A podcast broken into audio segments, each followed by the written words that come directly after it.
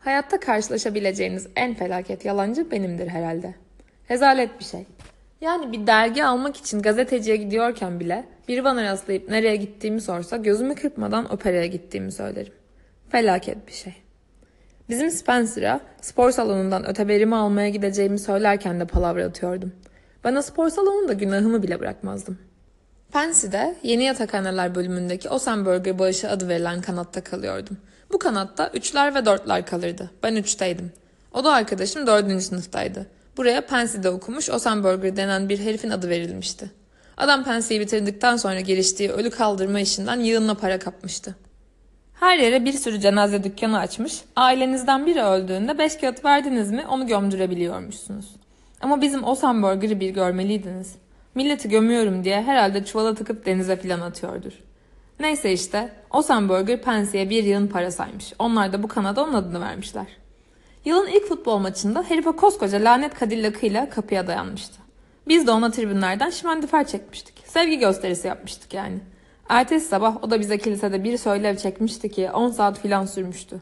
Sırf nasıl da kendi halinde biri olduğunu anlayalım diye önce 50 tane bayat fıkra sıraladı. Çok önemli konu yani.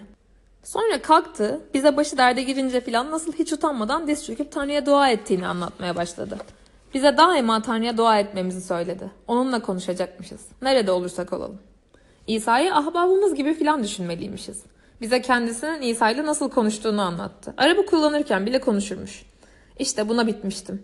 Bu sahtekar herifin arabasını birinci vitese alırken İsa'dan daha bol ceset dilemesini gözümün önüne getiriyorum. Ama bu söylevin tam ortasında harika bir şey oldu. Ozan Burger tam bize ne kıyak ne bitirim bir herif olduğunu plan anlatırken önümdeki sırada oturan Edgar Marsal adlı çocuk cart diye bir yerlenmez mi? Böyle kilisenin ortalık yerinde falan bu çok ayıp bir şeydi ama felaket gülünçtü. Ah Marsal ah herif neredeyse çatıyı havaya uçuracaktı. Kimse pek öyle sesli falan gülmedi. Bizim Osenburger'ı da hiç duymamış gibi yaptı. Ama Thurmer, bizim müdür, kürsüde Osenburger'ın yanında oturuyordu ve onun duyduğu belli oluyordu. Vay canına. Bizim müdür fitil olmuştu. Orada hiçbir şey demedi ama ertesi gece hepimizi idare binasındaki zorunlu etüt salonuna topladı ve bize orada sıkı bir söylev çekti. Kilisede böyle terbiyesizlikler yapan bir çocuğun Pensi'de okumaya layık olmadığını söyledi. Thurmer konuşurken bizim Marsala'yı bir tane daha koy versin diye gaza getirmeye çalıştık ama havasında değildi çocuk. Ya işte böyle. Pensi'de kaldığım yer diyordum. Bizim Osenburger bağış kanadı. Yeni yatakhaneler bölümünde. Yaşlı Spencer'ın yanından ayrıldıktan sonra odama dönmek güzeldi. Herkes maçtaydı ve her nasılsa oda sıcacıktı. Pek keyiflendim. Üstümü soyundum, boyun bağımı çıkardım. Gömleğimin yakasını açtım. Sonra kafama New York'tan satın aldığım şapkayı geçirdim. O kırmızı şapkalardandı. Hani şu siperi çok uzun olanlardan. Lanet kılıçları kaybettiğimin farkına vardıktan hemen sonra çocuklarla metrodan çıktığımızda bir spor mağazasının vitrininde görmüştüm. Yalnızca bir papele kapmıştım şapkayı. Siperini ters çevirip öyle giydim. Doğrusu çok bayat bir numaraydı. Ama böyle giymek çok hoşuma gidiyordu. Yani yakışıyordu. Sonra okuduğum o kitabı alıp koltuğuma oturdum. Odada iki koltuk vardı. Biri benimdi, öbürü de oda arkadaşım Ward Stradlater'ın. Koltukların kolları gelen giden üstüne oturduğundan berbat durumdaydı ama rahat koltuklardı. Yanlışlıkla kütüphaneden aldığım şu kitabı okuyordum. Bana yanlış kitap vermişlerdi. Ben de odama gelinceye kadar fark etmemiştim. Bana Isaac Dynason'ın Afrika'nın dışında adlı kitabını vermişlerdi. Önce ortalığı kokutacak filan sandım ama hiç de öyle çıkmadı. Çok iyi bir kitaptı. Oldukça cahilindir ama epey okurum. En sevdiğim yazar abim DB'dir. Ondan sonra en çok Ring severim. Abim ben Pensil'de okula başlamadan önce doğum günümde bana Ring Lardner'ın bir kitabını armağan etmişti. Kitapta şu çok gülün çılgın oyunlardan vardı. Bir de sürekli olarak aşırı hız yapan o şirin kıza aşık olan bir trafik polisinin öyküsü. Yalnız evliydi polis. Bu yüzden kızla evlenemiyordu. Sonunda kız sürekli hız yaptığından ölüyordu. Buna bitmiştim. Bir kitapta en çok hoşuma giden şey en azından arada bir gülünç şeyler olmasıdır. Bir sürü klasik okudum. Yuvaya dönüş filan gibisinden. Severim o kitapları. Savaş üzerine şeyler, polisiye romanlar filan. Ama bunlar beni pek açmıyor. Bir kitabı okuyup bitirdiğiniz zaman bunu yazan keşke çok yakın bir arkadaşım olsaydı da canım her istediğinde onu telefonla arayıp konuşabilseydim diyorsanız o kitap bence gerçekten iyidir. Ama öylesi pek bulunmuyor. Isaac Dyson'a telefon etmekten çekinmezdim. Ringlarner'a da. Ama D.V. bana onun ölmüş olduğunu söyledi. Somerset Maugham'ın Hayat Üzünleri kitabını ele alalım. Onu geçen yaz okudum. Oldukça iyi bir kitap ama Somerset Maugham'a telefon etmek falan istemem. Telefon etmek isteyebileceğim biri değil o. Hepsi bu yani. Bizim Thomas Hardy'ye telefon etmeyi iyi tutarım. Onun o Justicia Wine'ı çok severim. Her neyse, yeni şapkam kafamda, oturmuş Afrika'nın dışındayı okumaya başlamıştım. Aslında kitabı daha yeni bitirmiştim. Ama bazı yerlerini bir kez daha okumak istiyordum. Henüz üç sayfa okumuştum ki duş perdelerinin oradan birinin geldiğini işittim. Dönüp bakmadan bile kim olduğunu anladım. Gelen Robert Ackley'di. Şu bize bitişik odada kalan herif. Bizim kanatta her iki odaya bir duş düşüyordu. Bizim Ackley de günde 85 kez gelip paldır küldür odaya dalardı. Tüm yatakhanede benden başka maça gitmeyen herhalde bir tek o vardı. Bir yere gittiği de hiç görülmemişti zaten. Çok acayip bir herifti. Son sınıftaydı, dört yılın hepsini Pensi'de geçirmişti. Hiç kimse onu Ackley dışında bir adla çağırmazdı. Kendi oda arkadaşı Herb Gale bile ona Bob veya Ek bile demezdi. Bu herif evlenecek olsa kendi karısı bile ona Ekli derdi herhalde. Çok uzun boylu 1.93. Düşük omuzlu berbat dişleri olan bir herifti. Bitişik odalarda kaldığımız tüm süre boyunca onu bir kez bile diş fırçalarken görmedim. Ağzı yosun tutmuş gibi berbat görünürdü. Yemekhanede ağzına patates, bezelye filan tıkıştırdığında görseniz kusacak gibi olurdunuz. Bundan başka bir de sivilceleri vardı. Çoğu çocuklarda olduğu gibi yalnızca alnında veya çenesinde olsa yine iyi. Suratı olduğu gibi sivilcelerle kaplıydı. Bununla da kalmıyordu. Felaket bir kişiliği vardı. Biraz terbiyesiz bir herifti. Doğrusu bir ondan pek hoşlanmıyordum. Hemen koltuğumun ardında olduğunu, duş eşiğinin üstünde durup Stradlater içeride mi diye bakındığını hissedebiliyordum. Stradlater'dan müthiş nefret ederdi. Eğer odada o varsa içeriye adımını bile atmazdı. Neredeyse herkesten nefret ederdi yani. Duş eşiğinden aşağı inip odaya girdi. Selam dedi. Sanki felaket sıkılmış, felaket yorulmuş gibi söylerdi bu sözü. Sizi görmeye geldiğini falan düşünmenizi istemezdi. Sanki yanlışlıkla geldiğini sanmanızı isterdi. Tanrı aşkına. Ben de selam dedim. Ama başımı kitaptan kaldırmadan. Ekle gibi bir herif geldiğinde başınızı kitabınızdan bir kaldırdınız mı işiniz bitik demektir. Aslında yine de işiniz bitiktir ya. Başınızı hemen kaldırmamışsanız iflahınızı kesmesini belki biraz geciktirebilirsiniz. Odada dolaşmaya başladı. Öyle ağır ağır her zamanki gibi. Masanızın dolabınızın üstündeki öteberinizi alıp bakacak. Gelip böyle öteberinizi kurcalardı hep. Yani bazen sinir ederdi adamı. Eskrim işi ne oldu dedi. Kitabı elimden bıraktırmaya, keyfimi kaçırmaya çalışıyordu. Biz mi kazandık onlar mı dedi. Hiç kimse kazanmadı dedim. Başımı kaldırmadan tabii. Ne? dedi. Sözünüzü yineletmeden yapamazdı. Hiç kimse kazanmadı dedim. Başucu dolabımın üstünde ne kurcalıyor diye gizliden bir bakış fırlattım. O zamanlar New York'ta çıktığım Sally Hayes denen şu kızın resmine bakıyordu. Resmi oraya koyduğumdan beri en az 5000 kez alıp bakmıştı herhalde. İşi bittiğinde de resmi başka bir yere bırakmasa olmazdı. İnadına yapıyordu anlıyordunuz. Hiç kimse kazanmadı mı? dedi. Nasıl yani? O lanet kılıçlarla öteberiyi metroda bırakmışım. Suratına bakmıyordum. Metroda ha? Aman tanrım onları kaybettin öyle mi? Yanlış metroya binmişiz. Durmadan kalkıp duvardaki o lanet haritaya bakmak zorundaydım. Yanıma gelip ışığımı kesti. Hey dedim. Geldiğinden beri aynı cümleyi belki 20 kezdir okuyup duruyorum. Bu lanet söz herkese dokunurdu da bizim ekliye hiç dokunmazdı. Ona bir şey söylenmemişti sanki. Ödetirler mi dersin ha dedi. Bilmiyorum. Umurumda da değil. Ekli oğlum otursan filan ha. Işığımı kesiyorsun. Ona ekli oğlum demenizden hiç hoşlanmazdı. Ben 16 yaşındayım, kendisi de 18 yaşında diye bana hep oğlum derdi. Ama ben ona ekle oğlum dedim mi fena bozulurdu. Orada dikilmeyi sürdürdü. Işığınızdan çekilmesini istediğiniz halde çekilmemekte ısrar eden türden heriflerdendi. Sonunda çekilecekti ama bunu siz istediniz mi biraz zaman alırdı. O okuduğun lanet şey ne? dedi. Lanet kitap işte. Eliyle kitabı itip kapağına baktı. İyi mi bari dedi. Bu okuduğum cümle mükemmel. Havamda olursam epey iğneleyici olabilirim yani. Ama ne gezer anlamamıştı bile. Odada yine dolanmaya, bana ve Stradlater'a ait öteberileri kurcalamaya başladı. Sonunda kitabı yere bıraktım. Ortalıkta ekli gibi bir herif dolaşmaya başlamışsa kitap bitap okuyamazdınız artık. Olanak yoktu buna. Koltuğa iyice gömüldüm ve bizim eklinin odada nasıl keyif çattığını seyrettim. Bu New York gidiş gelişlerinden biraz yorulmuştum. Esnemeye başladım. Sonra biraz gırgır geçeyim dedim. Bazen epey gırgır şeyler yaparım can sıkıntısından. Kafamdaki şapkanın siperini öne getirdim. Ardından siperliği burnuma kadar indirdim. Bu durumda hiçbir şey göremiyordum. Galiba kör oluyorum dedim boğuk bir sesle. Canım anneciğim her yer nasıl da kararıyor burada. Sen üşütüksün yemin ederim dedi Ekli. Canım anneciğim uzat elini bana. Niye uzatmıyorsun bana elini? Tanrı aşkına büyüsen artık. Oturduğum yerde kör bir herif gibi elimi öne uzatıp çevreyi yoklar gibi yaptım. Durmadan canım anneciğim niye uzatmıyorsun bana elini diyordum. Yalnızca kafa buluyordum tabii. Bazen böyle zırvalıklar yapmak çok hoşuma gider. Ayrıca Ekli'nin bundan dehşetli rahatsız olduğunu da biliyordum. Ona karşı içimden sadistlik etmek gelirdi. Sık sık sadistlik ederdim böyle ona. Ama sonunda kestim gırgırı. Şapkamın siperini yine geri çevirdim. Arkama yaslandım. Bu kimin? dedi Ekli. Elinde oda arkadaşımın dizliğini tutmuş bana gösteriyordu. Bu Ekli denen herif her şeye el atardı. Donunuza bile el atardı yani. Stradlater'ın olduğunu söyleyince dizliği Stradlater'ın yatağına fırlattı. Stradlater'ın başucu dolabının üstünden aldığı şeyi kalkmış yatağın üstüne atıyordu. Bu kez de yanıma geldi ve Stradlater'ın koltuğunun koluna ilişti. Gelip bir koltuğa adam gibi oturmazdı. Hep böyle koluna tünerdi. Hangi cehennemden aldın bunu dedi. New York'tan. Kaça? Bir papele. Kazıklamışlar seni. Bir kibrit çöpüyle tırnak içlerini temizlemeye koyuldu. Hep böyle tırnaklarını temizlerdi.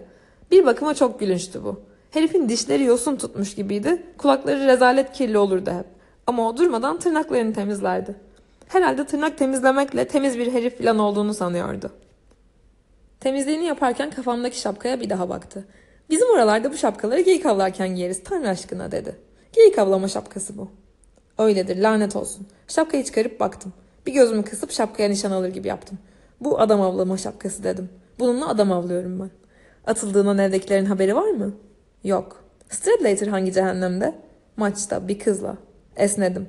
Durmadan esniyordum. Her şey bir yana, o da çok sıcaktı. Adamı uyutuyordu. Zaten bu penside insanı ya soğuktan ya sıcaktan öldürürlerdi. Muhteşem Stradlater, dedi Ekli. Hey makasını bir saniye versene ha, burada mı? Hayır, bavulda. Ta dolabın üstüne kaldırdım. Bir saniye indir ver ha dedi Ekli. Bir şeytan tırnağı çıkmış, onu keseceğim. Bir şeyi bavulla birlikte ta dolabın üstüne kaldırmış olmanız umurunda filan değildi. Kalktım yine de çıkardım makası. Ama neredeyse geberiyordum. Dolabın kapağını açtığım an Stradlater'ın tenis raketi kalıbı ile birlikte küt diye tepeme inmez mi? Felaket canım yandı. Ekli az kalsın ölüyordu ama. Başladı kihkih gülmeye. Bavulu indirip makası çıkarana kadar durmadan güldü. Böyle şeyler, birinin kafasına bir taş yemesi filan, acayip içini gıcıklardı Ekli'nin. Felaket bir mizah duygusu var sende Ekli oğlum, dedim ona. Haberin var mı bundan? Makası eline tutuşturdum. Gel senin menajerin olayım, seni şu radyoculuk işine sokayım. Gidip koltuğuma oturdum. O da başladı hödük tırnaklarını kesmeye. Şunu masada filan yapsan olmuyor mu dedim. Masanın üstünde kessene. Gece çıplak ayaklı o pis tırnaklarına mı basalım yani? Ama yine de tırnaklarını yere düşüre düşüre kesmeyi sürdürdü. Ne terbiyesizlikti ama. Bu kadar olur yani. Kim bu Stradlater'ın çıktığı kız? dedi. Böyle Stradlater kiminle çıkıyor diye sürekli izlerdi. Hem de Stradlater'dan müthiş nefret ettiği halde. Bilmiyorum niye soruyorsun? Hiç işte. Vay canına orospu çocuğuna dayanamıyorum. Dayanamıyorum orospu çocuğuna. Ama o seni çok seviyor. Stradlater senin çok kıyak bir herif olduğunu düşünüyor dedim. Gırgır geçerken böyle millete kıyaksın filan derim. Can sıkıntısından kurtuluyorum böylece. Herif hiç durmadan üstünü havası basıyor dedi Ekli. O orospu çocuğuna dayanamıyorum. Sanki kendisini hey tırnaklarını masanın üstünde kessen olmaz mı? Dedim. 50 kez söyledik sana değil. Herif durmadan üstünlük havası basıyor dedi Ekli. O orospu çocuğunun akıllı bile olduğunu hiç sanmıyorum. O kendisini öyle sanıyor. Kendisini dünyanın en... Ekli tanrı aşkına. Lütfen şu pis tırnaklarını masanın üstünde kessene yahu. 50 kere söyledik sana. Neyse tırnaklarını masada kesmeye başladı. İş olsun diye. Onu ancak bağıra çağıra bir şey yaptırabilirdiniz. Bir süre onu seyrettim. Sonra ona Stradlater'a fitil olmanın nedenini biliyorum dedim. Sana arada bir dişlerini fırçalamanı söyledi diye kızıyorsun ona. Niyeti seni aşağılamak değildi ki. Böyle sızlanıp duruyorsun. Belki adam gibi söylemedi ama niyeti seni aşağılamak değildi. Arada bir dişini fırçalasan daha düzgün görünürsün, kendini daha iyi hissedersin demek istemişti. Dişimi fırçalıyorum ben, bırak şimdi bunları. Hayır fırçalamıyorsun. Görüyoruz işte fırçalamıyorsun. Bu son sözleri efendice söylemiştim. Ona acımıştım bir bakıma. Tabii birinin böyle kalkıp size dişinizi fırçalamanızı söylemesi pek hoş bir şey değildi. Stradlater iyidir, fena çocuk değildir dedim. Onu tanımıyorsun, tek sorun da bu. Ben yine de o bir orospu çocuğudur diyorum. Kendini beğenmiş bir orospu çocuğu o. Kendini beğenmiştir. Ama bazı konularda çok cömerttir. Gerçekten dedim. Bana bak. Diyelim ki Stradlater'ın boyun bağı çok hoşuna gitti. Diyelim ki boynundaki boyun bağı acayip hoşuna gitti. Örnek olsun diye söylüyorum sana. Ne yapar sence? Herhalde çıkarıp hemen sana verir. Gerçekten verir. Veya ne yapar biliyor musun? Getirir yatağının üstüne filan bırakır. Ama o lanet boyun bağını kesinlikle verir sana. Bence hiç kimse ne yani dedi Ekli. O kadar param olsa ben de veririm tabii. Hayır vermezsin. Kafamı salladım. Hayır Ekli oğlum. Sen vermezsin. O kadar paran olsa sen dünyanın en... Bana Ekli oğlum demeyi kes. Lanet olsun. Ben senin rezil baban olacak yaştayım. Hayır değilsin. Yahu bu herif bazen adamı çileden çıkarırdı. Kendisinin 18, sizin de 16 yaşınızda olduğunuzu hatırlatma fırsatını hiç kaçırmazdı.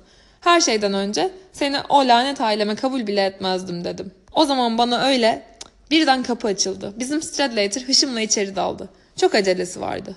Zaten her zaman acelesi olurdu. Yanıma geldi ve iki yanağıma şakacıktan birer tokat attı. İnsanı böyle çok rahatsız edici şeyler de yapardı yani. Dinle dedi. Bu akşam bir yere çıkıyor musun? Özel bir şey var mı? Ne bileyim olabilir. Dışarıda neler oluyor? Kar mı yağıyor yoksa? Paltosu kar içindeydi. Evet dinle. Bu akşam özel bir şey yoksa bana şu köpek dişi desenli ceketini verir misin? Maçı kim aldı? dedim. Daha ancak yarı oldu. Biz çıkıyoruz dedi Stradlater. Hadi gırgır geçme de bu gece köpek dişi ceketini giyecek misin, giymeyecek misin? Sen onu söyle. Benim gri flanelin üstüne bir şeyler döküldü. Giymeyeceğim ama o lanet omuzlarınla falan genişletmeni istemiyorum dedim. Aslında aynı boydaydık ama kilosu yaklaşık benim iki katım gelirdi. Çok geniş omuzları vardı. Genişletmem, söz. Telaşla dolaba gitti. Ne haber oğlum Ekli, dedi Ekli'ye.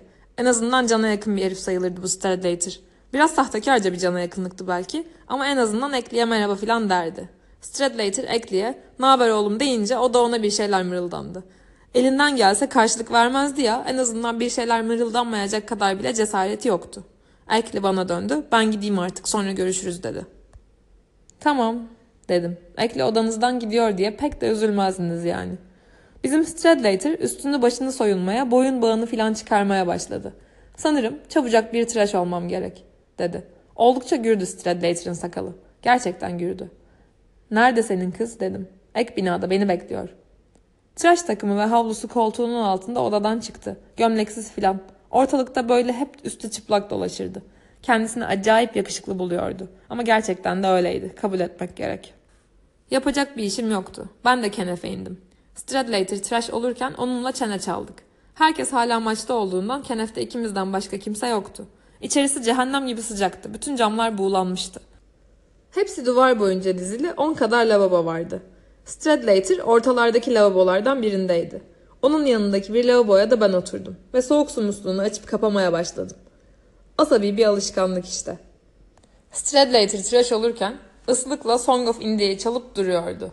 İyi ıslıkçıların bile zor çıkaracağı Song of India ya da Slaughter on the Tenth Avenue gibi parçaları böyle kulak tırmalaya tırmalaya bozuk düzen öttürmeye çalışırdı. Şarkının gerçekten de içine ederdi yani. Eklin'in nasıl pasaklı bir herif olduğunu anlatmıştım. Hatırladınız mı? Bizim bu Stradlater da pasaklıydı ama onunki başka türlüydü. Stradlater daha çok gizli türden bir pasaklıydı. Hep yakışıklı görünürdü bu Stradlater ama söz gelimi tıraş olduğu o makineyi bir görmeliydiniz. Makine pas içindeydi. Sabun artıkları, kıllar ve kalıntılarla doluydu. Hiç temizlemezdi makineyi. Hazırlanması bittiğinde hep pırıl pırıl bakımlı görünürdü ama yine de ne gizli bir pasaklı olduğunu anlardınız onun nasıl hazırlandığını seyredince. Kendisine deliler gibi aşık olduğundan böyle bakımlı görünmelere önem veriyordu. Batı yarım küresinin en yakışıklı erkeği sanıyordu kendisini. Oldukça yakışıklıydı da. Kabul etmek gerek yani. Ailenizdekilerin okul yıllığında resmini görüp de hemen kim bu çocuk diye soracakları cinsten bir yakışıklılıktı onunkisi. Stradlater daha çok okul yıllığı yakışıklısı türünden bir herifti. Pansy de Stradlater'dan daha yakışıklı olduğunu düşündüğüm bir sürü herif tanıyordum. Ama okul yıllığındaki resimlerine bir baksanız pek de yakışıklı görünmezlerdi. Koca burunlu ve kepçe kulaklı çıkardı hepsi. Çok rastlamışımdır bu duruma. Her neyse. Stradlater'ın bitişiğindeki lavaboya oturmuş, suyu açıp kapatıyordum. Kafamda hala kırmızı avcı şapkam duruyordu. Siperi arkaya çevrili. O şapkadan acayip hoşlanmıştım. Hey, dedi Stradlater. Bana büyük bir iyilik yapar mısın? Ne? dedim pek isteksiz. Sizden hep büyük bir iyilik yapmanızı isterdi. Bu çok yakışıklı veya kendisini gerçekten bir şey sanan herifler kalkıp durmadan onlara böyle büyük bir iyilik yapmanızı isterler. Tabii, kendilerine felaket aşık olduklarından sizin de onlar için deli olduğunuzu ya da onlara bir iyilik yapabilmek için can attığınızı filan sanırlar. Gülünç bir şey yani. Bu akşam dışarı çıkıyor musun? dedi. Belki çıkarım belki çıkmam. Bilmiyorum. Neden sordun? Pazartesiye tarih dersi için 100 sayfa kadar okumam gerek, dedi. İngilizce dersi için bana bir kompozisyon yazar mısın? Pazartesiye o lanet şeyi yetiştiremezsem başım belaya girecek. Onun için sormuştum. Ne dersin? Çok ironik bir durumdu. Hem de çok. Ben bu lanet okuldan atılmış gidiyorum. Sen kalkmış benden lanet bir kompozisyon yazmamı istiyorsun, dedim. Evet, biliyorum. Ama yazmazsan başım belaya girecek. Arkadaşlık nerede kaldı ha? Nerede kaldı ahbaplık? Tamam mı? Ona hemen karşılık vermedim. Stradlater gibi namussuzları böyle boşlukta bırakmak iyidir. Ne üzerine? dedim. Ne olursa. Bir şeyleri tanımlayacaksın işte. Bir oda ya da bir ev veya eskiden yaşadığın bir şey. Bilirsin işte. Bir şeyi anlat da istersen cehennemin dibi olsun. Bunu bana söylerken de acayip acayip esnedi ki beni felaket hasta eder böyle esnemeler. Yani hem birinden sizin için lanet bir iyilik yapmasını istiyorsunuz hem de herifin suratına karşı esniyorsunuz. Ama çok da iyi olmasın ha dedi. Şu Hartzell denen orospu çocuğu senin hem İngilizce'de acayip iyi olduğunu hem de benimle aynı odada kaldığını biliyor. Yani öyle noktaları virgülleri pek de yerli yerine oturtturacağım diye uğraşma. Buyurun işte. Bu da beni acayip hasta eder yani. Siz kompozisyon yazmada iyisinizdir. Birileri de kalkar böyle noktalardan virgüllerden söz eder. Stradlater bunu hep yapardı zaten. Kendisinin yalnızca noktaları virgülleri yanlış yerlere koyduğundan kompozisyonda iyi olmadığını sanmanızı isterdi. Bu bakımdan Ekli gibiydi biraz. Bir kez Ekli ile bir basketbol maçında yan yana oturmuştuk. Bizim takımda Harvey Coyle denen o felaket oyuncu vardı. Oyun alanının tam ortasından potaya bile değdirmeden sayı yapardı çocuk. Ekli bütün maç boyunca Coyle'un basketbol için mükemmel bir fiziğe sahip olduğunu söylemiş durmuştu. Tanrım bu zevzekliklerden nasıl da nefret ederim. Bir süre sonra lavabonun üstünde oturmaktan sıkıldım. Aşağıya atlayıp bir iki adım ötede step dansı yapmaya başladım. Gırgır olsun diye. Aslında step dansı filan bilmem. Ama kenefin zemini taştandı. Yani step dansı için çok uygundu. Filmlerdeki o heriflerden birini taklit etmeye başladım. Şu müzikallerden birinde çıkmıştı hani. Filmlerden günahım gibi nefret ederim ama onları taklit etmek hoşuma gider. Bizim Stradlater tıraş oluyor bir yandan da beni seyrediyordu. Tek eksiğim seyircidir. Ben Deniz acayip gösterişçiyimdir. Ben lanet valinin oğluyum dedim. Kendimi perişan ediyor, sözde step dansı döktürüyordum. Babam benim step dansçısı olmamı istemiyor. Oxford'a gitmemi istiyor ama step dansı benim lanet kanıma işlemiş. Stradlater güldü. Mizah duygusu fena sayılmazdı. Siegfried Poliz'in açılış gecesindeyiz. Soluğum giderek daralıyordu. Şişerim böyle işte. Baş oyuncu devam edemiyor. Ayya Şerif. Onun yerine kim çıkacak şimdi? Kimi çıkaracaklar? Kimi olacak? Ben tabii. Valinin şu küçük lanet oğlunu. Nereden buldun o şapkayı? dedi Stradlater. Kafamdaki avcı şapkasından söz ediyordu. Daha yeni görüyordu. Soluksuz kalmıştım. Ben de şamatayı kestim. Şapkamı çıkarttım. Belki 90. kez baktım ona. Bu sabah New York'tan aldım bir papele. Beğendin mi? Stradlater kafasını salladı. Kıyak dedi. Ama bana yağ çekiyordu. Çünkü hemen ardından baksana şu kompozisyonu yazacak mısın? Bilmek istiyorum dedi. Vaktim olursa yazarım olmazsa yazmam dedim. Gittim yanındaki lavaboya oturdum. Senin kız kim diye sordum. Fitzgerald mı? Değil. Sana demiştim o domuz karıyla işim bitti diye. Öyle mi? Oğlum bana devretsene onu. Gırgır geçmiyorum. O kız benim tipim. Al senin olsun. Senin için çok büyük ama. Birden belirli bir nedeni yoktu. Ama herhalde canım gırgır istiyordu. Lavabodan yere atlayıp Stradlater'a bir yarım kafa kol çekeyim dedim. Belki bilmiyorsunuzdur. Bir güreş oyunu bu. Rakibinizin bir koluyla boynunu birlikte kapar, öldüresiye yüklenirsiniz. Nitekim yaptım da. Kes şunu Holden. Tanrı aşkına dedi Stradlater. Canı gırgır istemiyordu. Tıraş oluyordu herif. Ne istiyorsun şimdi yani? Suratımı mı keseyim? Yine de bırakmadım. Nefis bir kafa kol çekmiştim onu. Kurtar bakalım kendini kurtarabilirsen bu demir mengeneden dedim. Of tanrım dedi. Tıraş makinesini bıraktı. Birden kollarını savurup elimden kurtuldu. Çok güçlü bir herifti. Bense pek çelimsiz bir herifimdir. Yeter artık kes şu zırvalığı dedi. Yeniden tıraş olmaya başladı. İki kez alırdı sakalını parlak görünmek için. Hem de o berbat eski püskü makineyle. Fitzgerald değilse kiminle çıkıyorsun şimdi sen diye sordum. Gittim yine lavaboya oturdum. Şu Phyllis Smith denen yavrumu. Hayır. Öyle olacaktı ama bütün hesaplar yattı. Badthov'un kız arkadaşını kaptım şimdi. Hey, neredeyse unutuyordum. Kız seni tanıyor. Hangi kız beni tanıyor? Çıktığım kız. Öyle mi? dedim. Adı ne? İyiden iyiye meraklanmıştım. Dur bir düşüneyim. Ee, Jean Gallagher. Aman tanrım bunu duyunca az kalsın yere yıkılıyordum. Jane Gallagher onun adı dedim. Bunu söylerken de lavabodan aşağı atlamıştım. Az kalsın düşüp bayılıyordum. Lanet olsun tabii tanıyorum. Önceki yaz bitişiğimizde oturuyorlardı. Kocaman lanet bir Doberman Pinscher köpeği vardı. Onunla öyle tanışmıştık. Köpeği sürekli gelip bizim çimenlere ışığımı kesiyorsun Holden tanrı aşkına dedi. Stradlater. Orada durmak zorunda mısın yani? Tanrım felaket heyecanlanmıştım. Gerçekten heyecanlanmıştım. Nerede şimdi diye sordum. İnip ona bir merhaba filan diyeyim. Nerede? Ek binada mı? Evet.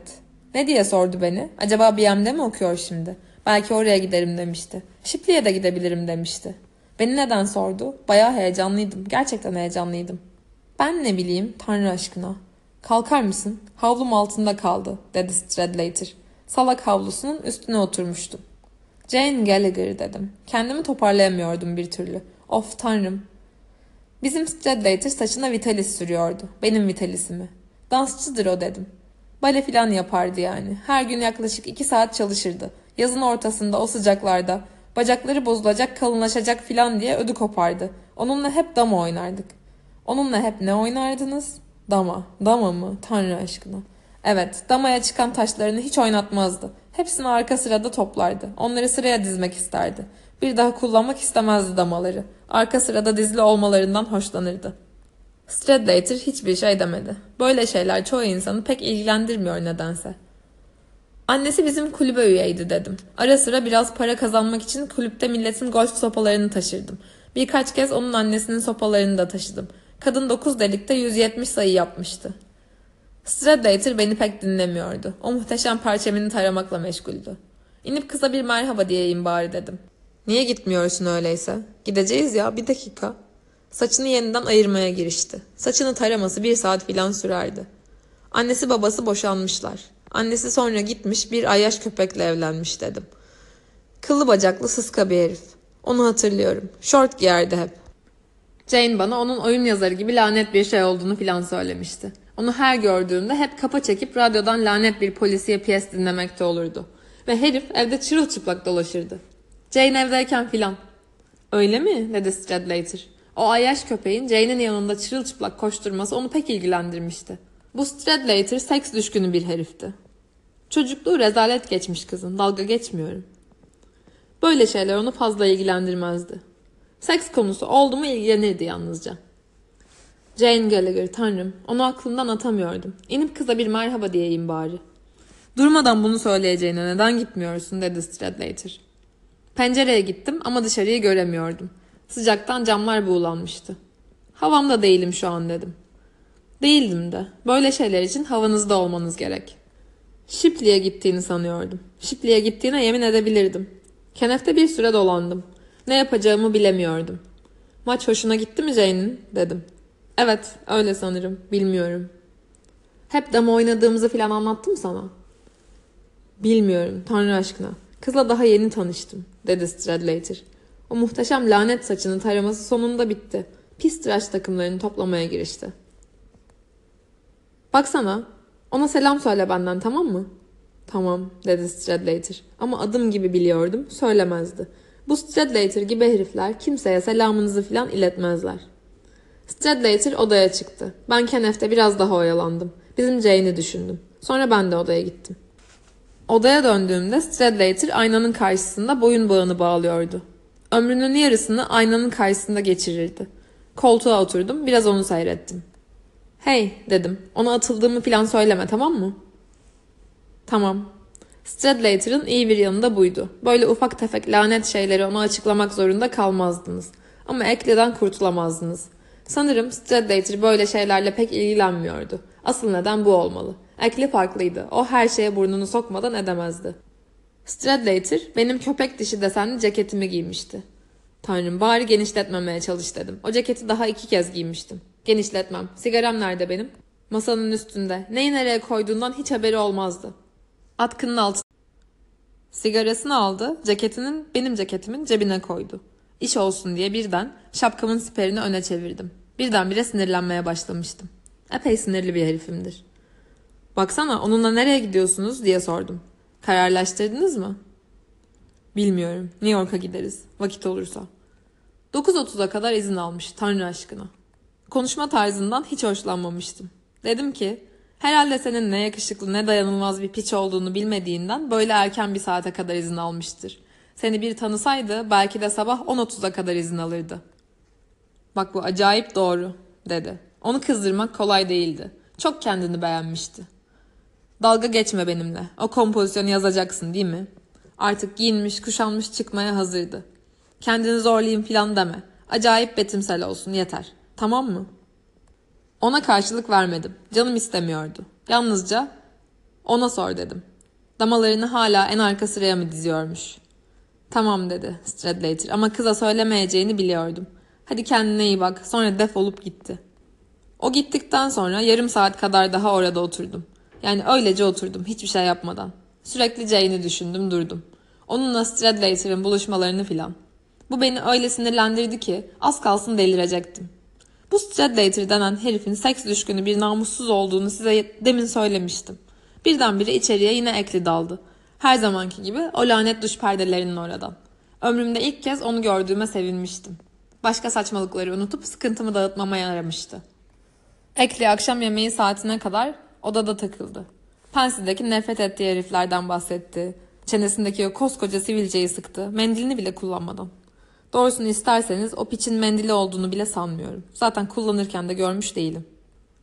Pensi'de cumartesi akşamları hep aynı yemek çıkardı. Çok önemli bir şeymiş gibi. Neymiş? Biftek çıkarıyorlarmış size.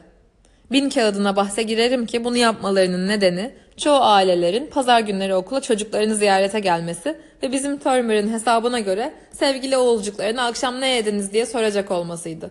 O da biftek diyecekti. İyi tezgah değil mi? Biftekleri de bir görmeliydiniz.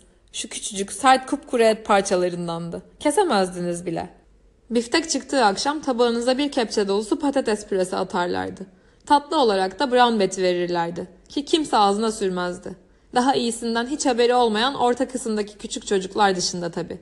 Ama ekli gibi herifler önlerine ne koysanız siler süpürürler. Yemekhaneden çıktığımızda hava güzeldi. Yerde 5-10 santim kar vardı ve hala çılgınlar gibi yağıp duruyordu. Felaket güzel bir şeydi. Başladık birbirimize kar topu atıp şakalaşmaya. Çocukça şeylerdi tüm bunlar ama herkesin keyfi yerindeydi. Buluşacağım bir kız filan yoktu. Güreş takımından Mel Brossard adlı arkadaşımla otobüsle Hagerstown'a inmeye, birer hamburger yemeye ve bulursak eğer rezil bir film seyretmeye karar verdik. Bütün gece kıçımızın üstünde oturup durmak istemiyorduk. Mella Ekli'nin bizimle gelmesinde bir sakınca olup olmadığını sordum. Soruşumun nedeni Ekli cumartesi geceleri hiçbir şey yapmaz, odasında oturup sivilcelerini filan sıkardı. Mel sakıncası olmadığını söyledi ama pek hoşuna gitmemişti. Ekli'yi pek sevmezdi. Hazırlanmak üzere odalarımıza çıktık. Galoşlarımı filan giyerken bizim Ekli'ye bağırıp bizimle sinemaya gelir mi diye sordum. Duş perdelerinin ardından beni rahatça duyabildiği halde hemen karşılık vermedi. Size hemen yanıt vermekten nefret eden bir herifti. Sonunda perdelerin arasından çıktı. Duş eşiğinin üstünde dikilip sinemaya benimle birlikte başka kim gidiyor diye sordu. Başka kim gidiyor diye hep böyle sorardı. Yemin ederim bu herifin gemisi batsa lanet bir sandalla onu kurtarmaya gitseniz sandala binmeden önce mutlaka kürekte kim var diye sorardı. Mal Brossard dedim. O piç mi? Peki bekle bir saniye. Haline bakınca size büyük bir iyilik yapacak sanırdınız. Hazırlanması 5 saat kadar sürdü. O hazırlanırken ben de pencereye gittim camı açtım. Çıplak elle bir kar topu yaptım. Karla harika kar topu yapılıyordu ama kar topunu atmadım. Sonra atmaya niyetlendim. Sokakta duran bir arabaya ama vazgeçtim. Araba orada bembeyaz çok güzel görünüyordu. Sonra bir yangın musluğuna nişan aldım. Ama o da bembeyaz ve çok güzeldi. Sonunda hiçbir şeye atmamaya karar verdim. Camı kapattım ve odanın içinde elimde kar topunu sıka sıka dolanmaya başladım. Bir süre sonra Brossard ve Akli ile birlikte otobüse binerken kar topu hala elimdeydi. Otobüsün şoförü kapıyı açtı ve kar topunu dışarı attırdı bana. Ona kar topunu kimseye fırlatmayacağımı söyledim ama bana inanmadı. İnsanlar size hiç inanmıyorlar zaten. Hem Brossard hem Ekli filmi görmüşlerdi. Biz de gittik bir iki hamburger yedik, biraz tilt makineleriyle oynadık. Sonra otobüse binip Pensi'ye döndük. Filmi ille de göreceğim diye can attığımda yoktu zaten. Cary Grant'li bir komedi filandı herhalde. Ayrıca Brossard ve Ekli ile daha önce de sinemaya gitmiştim. Gülünç bile olmayan zırvalıklara sırtlanlar gibi gülerdi bu ikisi. Sinemada yanlarına oturmaktan pek hoşlanmazdım. Yatakhaneye döndüğümüzde saat daha 9'a çeyrek vardı. Brossard bridge hastasıydı. Bir oyun çevirmek için yatakhanede adam bakmaya çıktı. Erkle de iş olsun diye bizim odaya park etti. Yalnız Stradlater'ın koltuğuna tünemedi bu kez. Boylu boyunca benim yatağa uzandı. Yüzü filan da yastığımda. O tek düze sesiyle başladı anlatmaya. Sivilcelerini kurcalaya kurcalaya. Bin türlü numara çektim ama onu başımdan atamadım. O felaket tek düze sesiyle geçen yaz sözde becerdiği bir yavruyu anlattı durdu. Bana bunu belki yüz kez anlatmıştı. Ama her anlatışında başka başka şeyler oluyordu. Bir dakika önce kıza kuzeninin bu ikinde sahip oluyordu. Bir dakika sonra bakıyordunuz iskelenin üstüne uzanmış yatıyorlardı. Tümüyle palavraydı tabii. Hayatta tanıdığım tek bakir herif oydu herhalde. Birinin ona karşı bir şey hissedebileceğini bile düşünemiyorum. Neyse artık. Sonunda ona açık açık Stradlater için bir kompozisyon yazmak zorunda olduğumu, kafamı toparlamak için defolup gitmesini söyledim. Gitmesine gitti ama yine her zamanki gibi ağırdan aldı. O gittikten sonra pijamamı ve sabahlığımı giydim. Kafama da o şapkayı geçirdim ve kompozisyonu yazmaya giriştim. İyi güzel de aklıma Stradlater'ın dediği gibi tarif edilecek bir oda, bir ev ya da herhangi bir şey gelmiyordu. Ben öyle odaları, evleri anlatmaya pek meraklı değilimdir. Ne yapayım? Ben de oturdum kardeşim Eli'nin beyzbol eldivenini yazdım. Felaket betimsel bir konuydu. Gerçekten. Kardeşim Eli'nin eldiveni solaklar için olan türdendi. Solaktı kardeşim. Eldivenin betimsel özelliği bütün parmaklarına ve el üstü cebine kardeşimin şiirler yazmış olmasıydı. Yeşil mürekkeple. Bunları beyzbol alanında tepesinde eli sopalı bir vurucu olmadığı zamanlarda okumak için yazmıştı. Kardeşim öldü. 18 Temmuz 1946'da lösemiden. O sıralarda Maine'de oturuyorduk. Tanısaydınız onu çok severdiniz. Benden iki yaş küçüktü ama benden 50 kat daha akıllıydı. Korkunç zekiydi. Öğretmenleri durmadan anneme mektup yazar, eli gibi bir çocuğun öğretmeni olmaktan duydukları gururu bildirirlerdi. Ve palavra sıkmak için yazmazlardı. Gerçeği söylerlerdi. O yalnızca ailenin en akıllı üyesi değildi. En efendisiydi de. Hiç kimseye kızmazdı. Kızıl saçlı insanlar çok çabuk kızar derler. Ama Eli hiç kızmazdı ve kızıl saçlıydı. Size onun nasıl bir kızıl saçlı biri olduğunu anlatayım. Ben golf oynamaya 10 yaşındayken başladım. Hatırlıyorum 12 yaşındaydım o yaz. Bir gün atış yapmak için topu kuma dikerken içimden birden başımı bir çevirsem Eli'yi görecekmişim gibi bir duygu geçti. Dönüp baktım. İnanın çitin ardında golf alanı çepeçevre o çitle sarılıydı. 100-150 metre kadar uzakta bisikletine oturmuş beni seyretmiyor mu? Ya işte böyle türden bir kızıl saçlıydı o. Tanrım öyle iyi çocuktu ki. Yemek masasında otururken aklına gelen şeylere o kadar çok gülerdi ki neredeyse sandalyeden düşecek gibi olurdu. Daha yeni 13 yaşına girmiştim. Beni psikiyatriste filan götürmüşlerdi. Garajın camlarını kırdığım için. Ayıplamıyorum onları. Gerçekten ayıplamıyorum. Elinin öldüğü gece garajda yattım. Tüm lanet camları da yumruğumla kırdım. Hıncımı almak için. O yaz aldığımız station arabanın da camlarını kırmaya çalıştım. Ama zaten elim çoktan kırılmıştı. Bir şey yapamadım. Böyle şeyler yapmak çok aptalca. Kabul ediyorum ama siz Eli'yi tanımadınız. Elim arada bir yağmur yağdığında filan sancıyor. Ve artık yumruğumu sıkamıyorum. Şöyle sımsıkı bir yumruk yani. Ama bunun dışında pek önemli bir şeyim kalmadı. Lanet bir cerrah ya da kemancı falan olmayacağıma göre. Her neyse. Stradlater'ın kompozisyonu için yazdıklarım bunlardı işte. Bizim elinin beyzbol eldiveni. Artık hep bende duruyor, bavulumda. Eldiveni çıkardım ve üstündeki şiirleri kompozisyona ekledim. Tek yapacağım elinin adını değiştirmekti. Böylece hiç kimse onun Stradlater'ın kardeşi değil de benim kardeşim olduğunu anlamayacaktı.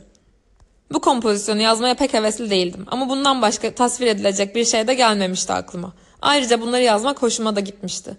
Bir saat kadar vaktimi aldı çünkü Stradlater'ın rezil daktilosunu kullanmak zorunda kalmıştım. O daktilo da canımı fena halde sıkmıştı. Ben daktilomu koridorun ucundaki bir herife ödünç vermiştim.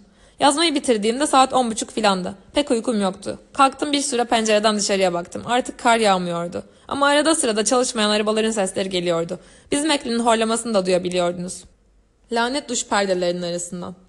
Sinüslerinden rahatsızdı. Uyurken pek düzgün soluk alamıyordu. O herifin her şeyi bir tuhaftı zaten. Sinüs rahatsızlığı, sivilceler, berbat dişler, ağız kokusu, pis tırnaklar. Yani bu manyak orospu çocuğuna acımadan edemiyordunuz.